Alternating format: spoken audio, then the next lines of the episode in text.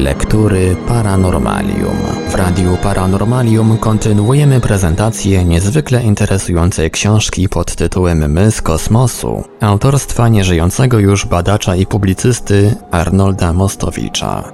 Większość sensacyjnych jak na lata 80. spraw do dziś nie znalazła satysfakcjonującego wyjaśnienia. Na antenie prezentujemy w odcinkach wydanie drugie tej książki z 1984 roku. Posłuchajmy jednego z fragmentów.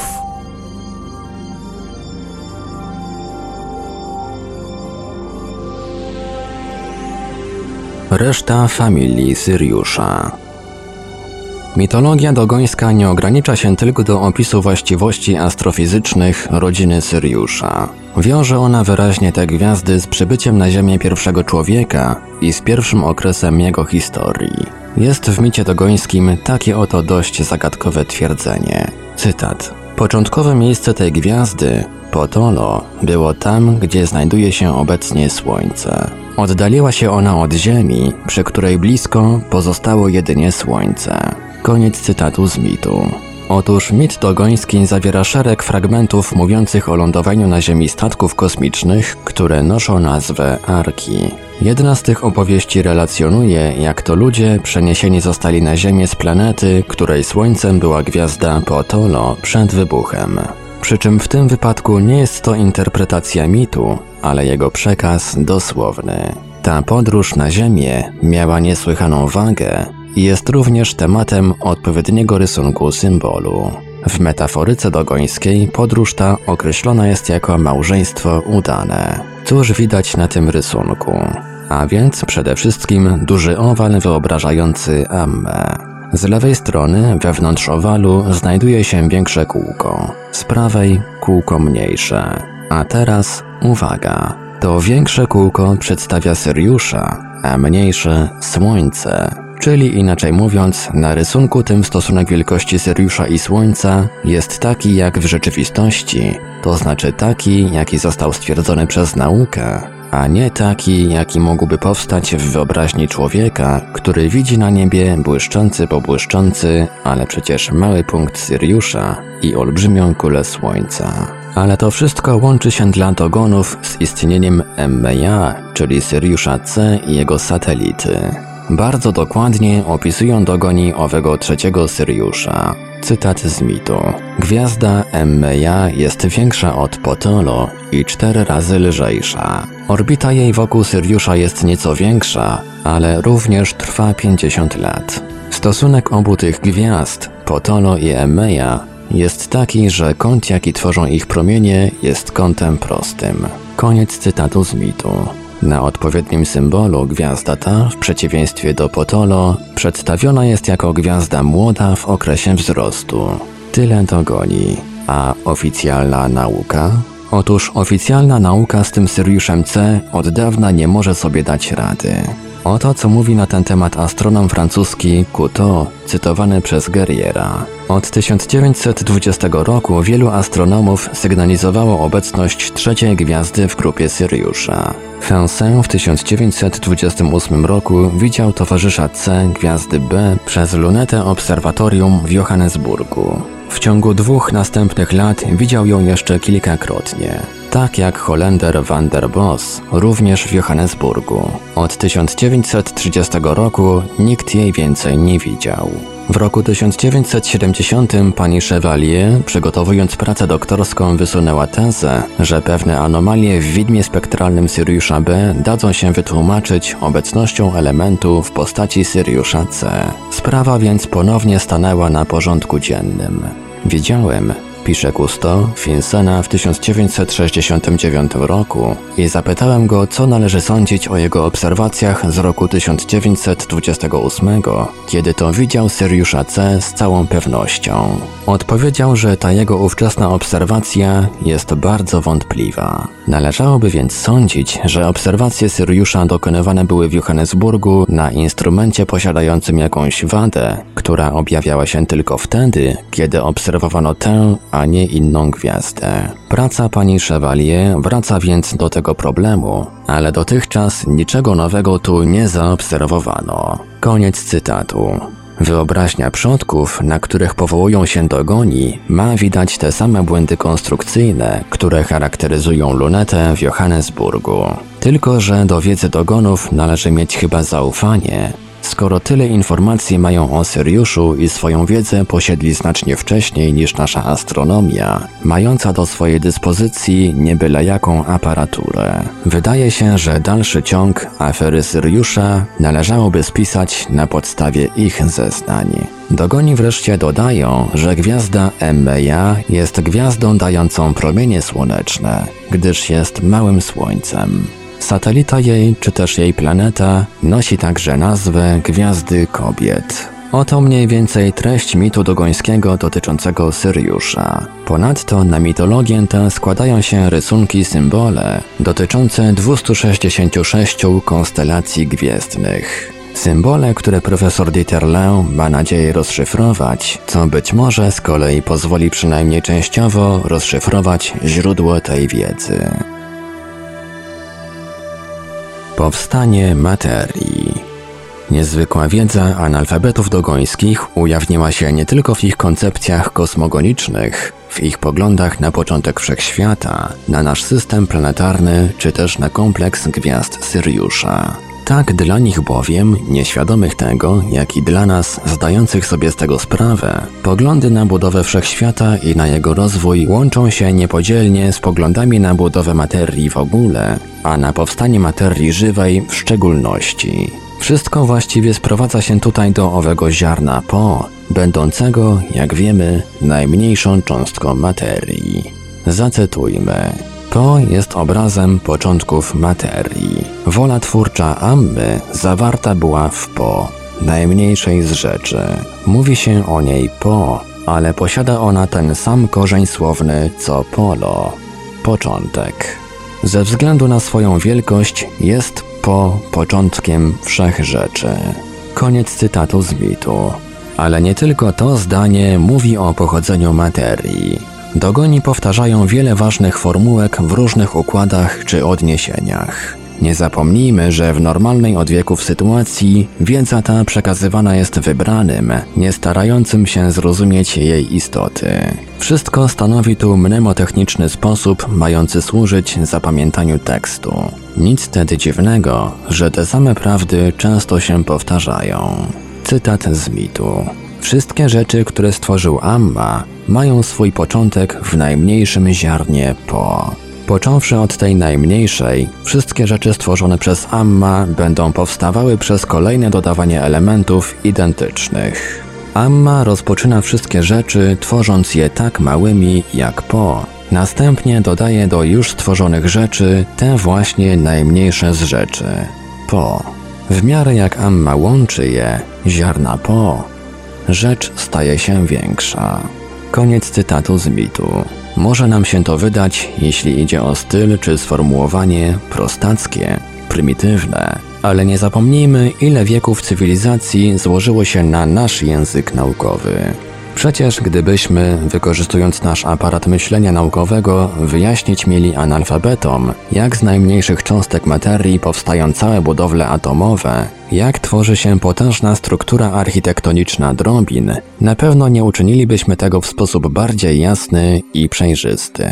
Streszczając do rozmiarów jednego rozdziału mit dogoński, musimy dokonywać, rzecz jasna, pewnych skrótów. Inaczej setek strony nie starczyłoby na przekazanie jego szczegółów. Tak na przykład pominęliśmy interesujący skądinąd fakt, że w mitologii dogońskiej dużo miejsca zajmuje informacja o tym, iż Amma dwukrotnie stworzył świat. Z pierwszego był niezadowolony i zniszczył go. Wymagałoby chyba jakiegoś naukowego wytłumaczenia zjawisko powtarzania się tego wątku w większości religii i mitologii świata. Aby je wytłumaczyć, nie wystarczy chyba odwołać się do psychologii czy psychoanalizy powstawania mitów. Musiało mieć miejsce jakieś wydarzenie, zatopienie Atlantydy, potop, które ten motyw zniszczenia świata przez Boga niezadowolonego ze swego dzieła pozwoliłoby wyjaśnić. Otóż w tym pierwszym stworzonym przez Ammę świecie podstawą wszystkich rzeczy był inny najmniejszy element ziarno akacji mianowicie.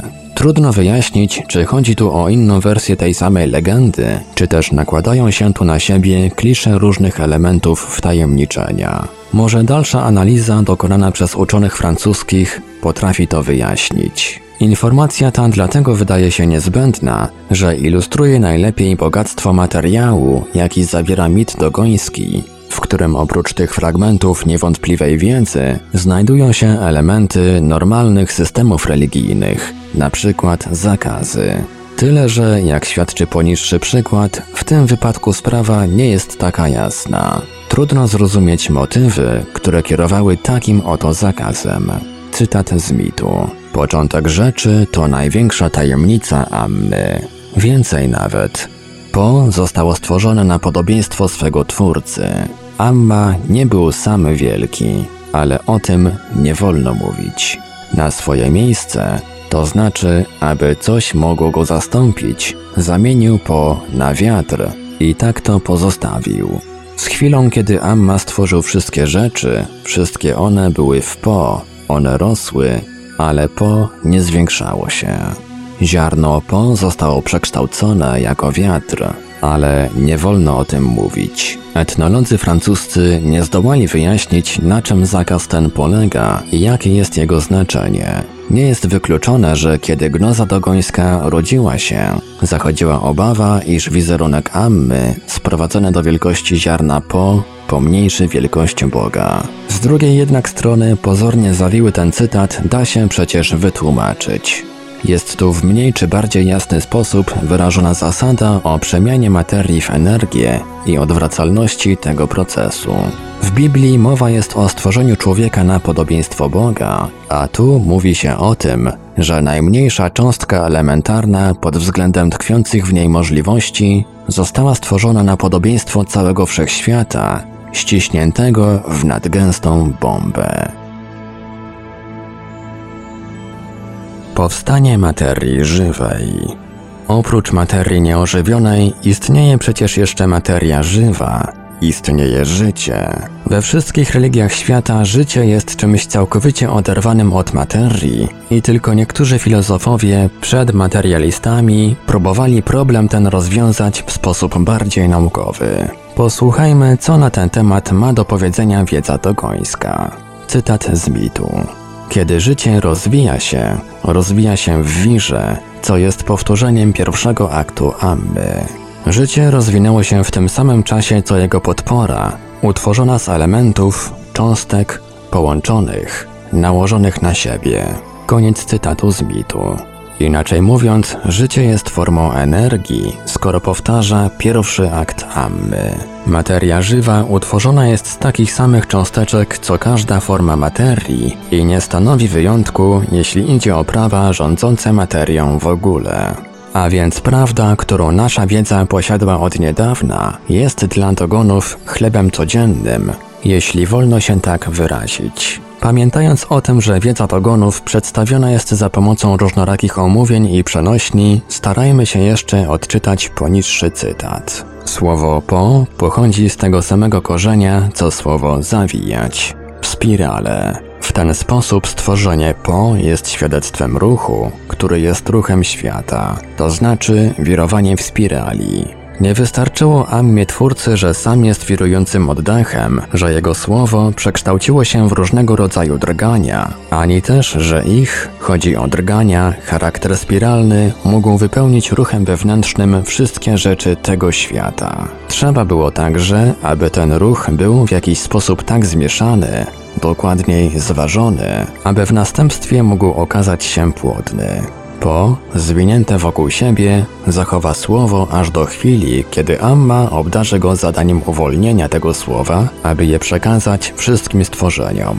Będzie świadkiem życiodajnego aspektu słowa Amma. Koniec cytatu z mitu. Tekst może wydać się zawiły, ale specjalnie zawiły, szczególnie w świetle tego, co dotychczas zostało powiedziane, nie jest. Chodzi przecież wyraźnie o to, by ta forma energii, która jest życiem, która jest właściwa istotom żywym, przekazywała te swoje właściwości dalej, aby rodziło się nowe życie. A może chodzi także i o to, by każda istota żywa przekazywała następnym istotom żywym pewne określone właściwości i formy. Czyżby znowu zbyt daleko idące przypuszczenie, pragnące widzieć w tym tekście dowód na to, że gnoza dogońska zawiera także pewien zasób wiedzy dotyczący dziedziczności? Możliwe. Ale oto w opisie zejścia na Ziemię statku kosmicznego z pierwszymi ludźmi znajdujemy takie poetyckie, chociaż może i nie tylko poetyckie, porównanie. Statek kosmiczny, schodząc, tworzył podwójną spiralę, odtwarzając sam ruch życia w wirze, który ożywił pierwsze ziarno. Koniec cytatu z mitu. Podwójna spirala? Termin ten znamy. Przecież kształt podwójnej spirali ma molekuła kwasu dezoksyrybonukleinowego, inaczej DNA owego nośnika kodu genetycznego. Odkrycie kształtu tej molekuły przyniosło Crickowi, Watsonowi i Wilkinsowi Nagrodę Nobla. Nie chcielibyśmy znowu posunąć się zbyt daleko w naszej interpretacji, ale owa spirala składa się z sekwencji nukleotydów, które porównać można bez trudu do słów kodu genetycznego. Zresztą porównanie to było już robione. Jak wiadomo, zasadniczą rolę w procesach przemiany materii i syntezy organicznej odgrywają enzymy. Enzymy są to substancje, które przyspieszają, a nawet umożliwiają pewne reakcje chemiczne, nie biorąc w nich udziału. Od 1897 roku, to jest od odkryć braci Buchnerów, terminy enzym i ferment są synonimami i oznaczają to samo. Zresztą słowo enzym pochodzi z greckiego słowa zyme, oznaczającego zakwaszone ciasto. A oto jakie zdanie spotykamy w dogońskiej interpretacji życia. Cytat ten jest tak jednoznaczny, że podajemy go całkowicie na odpowiedzialność etnologów francuskich. Życie znajdujące się w ziarnie, dzięki słowu, podobne jest do fermentacji. Koniec cytatu z mitu. Zastrzec trzeba, że u dogonów często zachodzi konfuzja między najmniejszą cząstką, ziarnem po, a ziarnem, żywym organizmem. Otóż dogoni doskonale wiedzą, co to jest fermentacja i wszelka omyłka jest tu wykluczona. Wydaje się, że uczeni mogliby sobie zaoszczędzić wiele wysiłku, gdyby dokładniej przestudiowali dogońską wiedzę. Kto wie, czy taki trud nie opłaciłby się i na przyszłość. Podróże kosmiczne Streszczenie tego mitu nie byłoby pełne, gdyby pominąć niezwykle ważny rozdział poświęcony początkom cywilizacji. Jest to jednocześnie rozdział traktujący o podróżach pierwszych kolonizatorów naszego globu, o podróżach przez kosmos, rzecz jasna. W kraju zamieszkanym przez dogonów znajduje się jezioro o nazwie Debo, albo Deb. Obok jeziora wznosi się wzgórze noszące nazwę Gurao, a na tym wzgórzu z kolei znajduje się dolmen, Budowla składająca się z kilku kamieni, wyobrażający Arkę Nomo, gdy schodziła na ziemię. Nieco dalej między menhirami, pojedyncze kamienie wyobrażającymi Syriusza i Słońce, wznosi się kamień wyobrażający Arkę na ziemi. Całość uzupełnia samo jezioro. Tu nastąpić miał desant pierwszych ludzi. Kosmita Ogo w micie dogońskim opisane są dwie epopeje podróży kosmicznych. Pierwsza związana jest z podróżą na Ziemię istoty noszącej imię Ogo. Druga zaś z desantem na Ziemi Arki, na pokładzie której znajdował się Nommo i pierwsi ludzie. Któż to jest ów Ogo? Jest to istota przypominająca postać szatana. To archanioł, który zbuntował się i częściowo opanował tajniki wiedzy Amma. Według mitu dogońskiego trzykrotnie Ogo podróżował przez kosmos. Trzeba zresztą od razu powiedzieć, że ta część mitu dogońskiego jest bardzo niejasna. Nie ulega wątpliwości, że nałożyły się tu na siebie różne wydarzenia, które być może rzeczywiście miały miejsce, oraz ich alegoryczne ujęcie przez dogońskie legendy. W opowieści raz jest mowa o tym, że Ogo odbył podróż na Ziemię w małych statkach kosmicznych, oczywiście też arkach, innym razem, że pierwszą arkę Ogo Amma zamienił w naszą planetę, to jest Ziemię. Nie należy oczywiście całkowicie odrzucać możliwości, Uczeni radzieccy już wysuwali podobne sugestie, że jakaś rozwinięta cywilizacja galaktyczna mogłaby wykorzystać całe planety jako statki kosmiczne, ale po pierwsze wymagałoby to niewiarygodnie wielkich zasobów energii, a po drugie, mimo zagmatwania samego mitu, nie wydaje się, by relacjonował on dzieje podobnie rozwiniętej cywilizacji. Druga podróż Ogo, jak wynika z opowieści, wymagała daleko idącej organizacji i zapobiegliwości. Statek był tym razem znacznie mniejszy, a jako paliwa używał Ogo ziarna Po, podstawowego źródła energii całej budowli kosmicznej. Informacja to ważna, pozwalająca na daleko idące interpretacje. Właśnie w związku z drugą wyprawą Ogo mowa jest o małżeństwie udanym i małżeństwie nieudanym.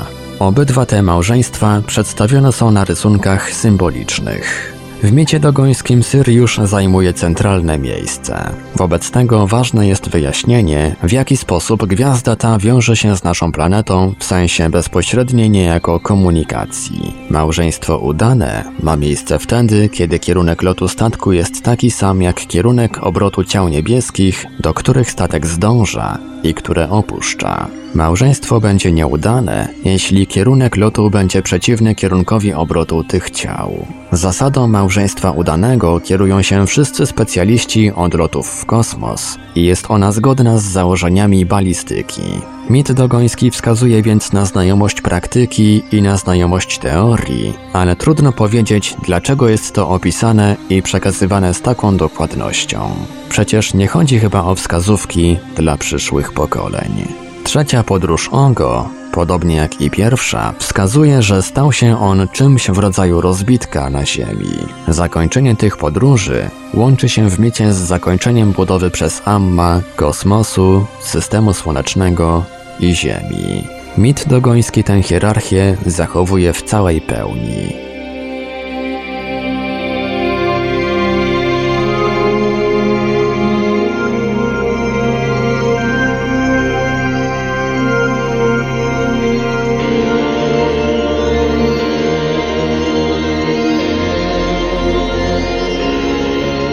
Radiu Paranormalium zaprezentowaliśmy fragment książki Arnolda Mostowicza My z kosmosu. Dalszy ciąg w kolejnym odcinku Lektur Paranormalium. Archiwalne odcinki Lektur Paranormalium znajdziesz do pobrania w archiwum naszego radia na stronie www.paranormalium.pl.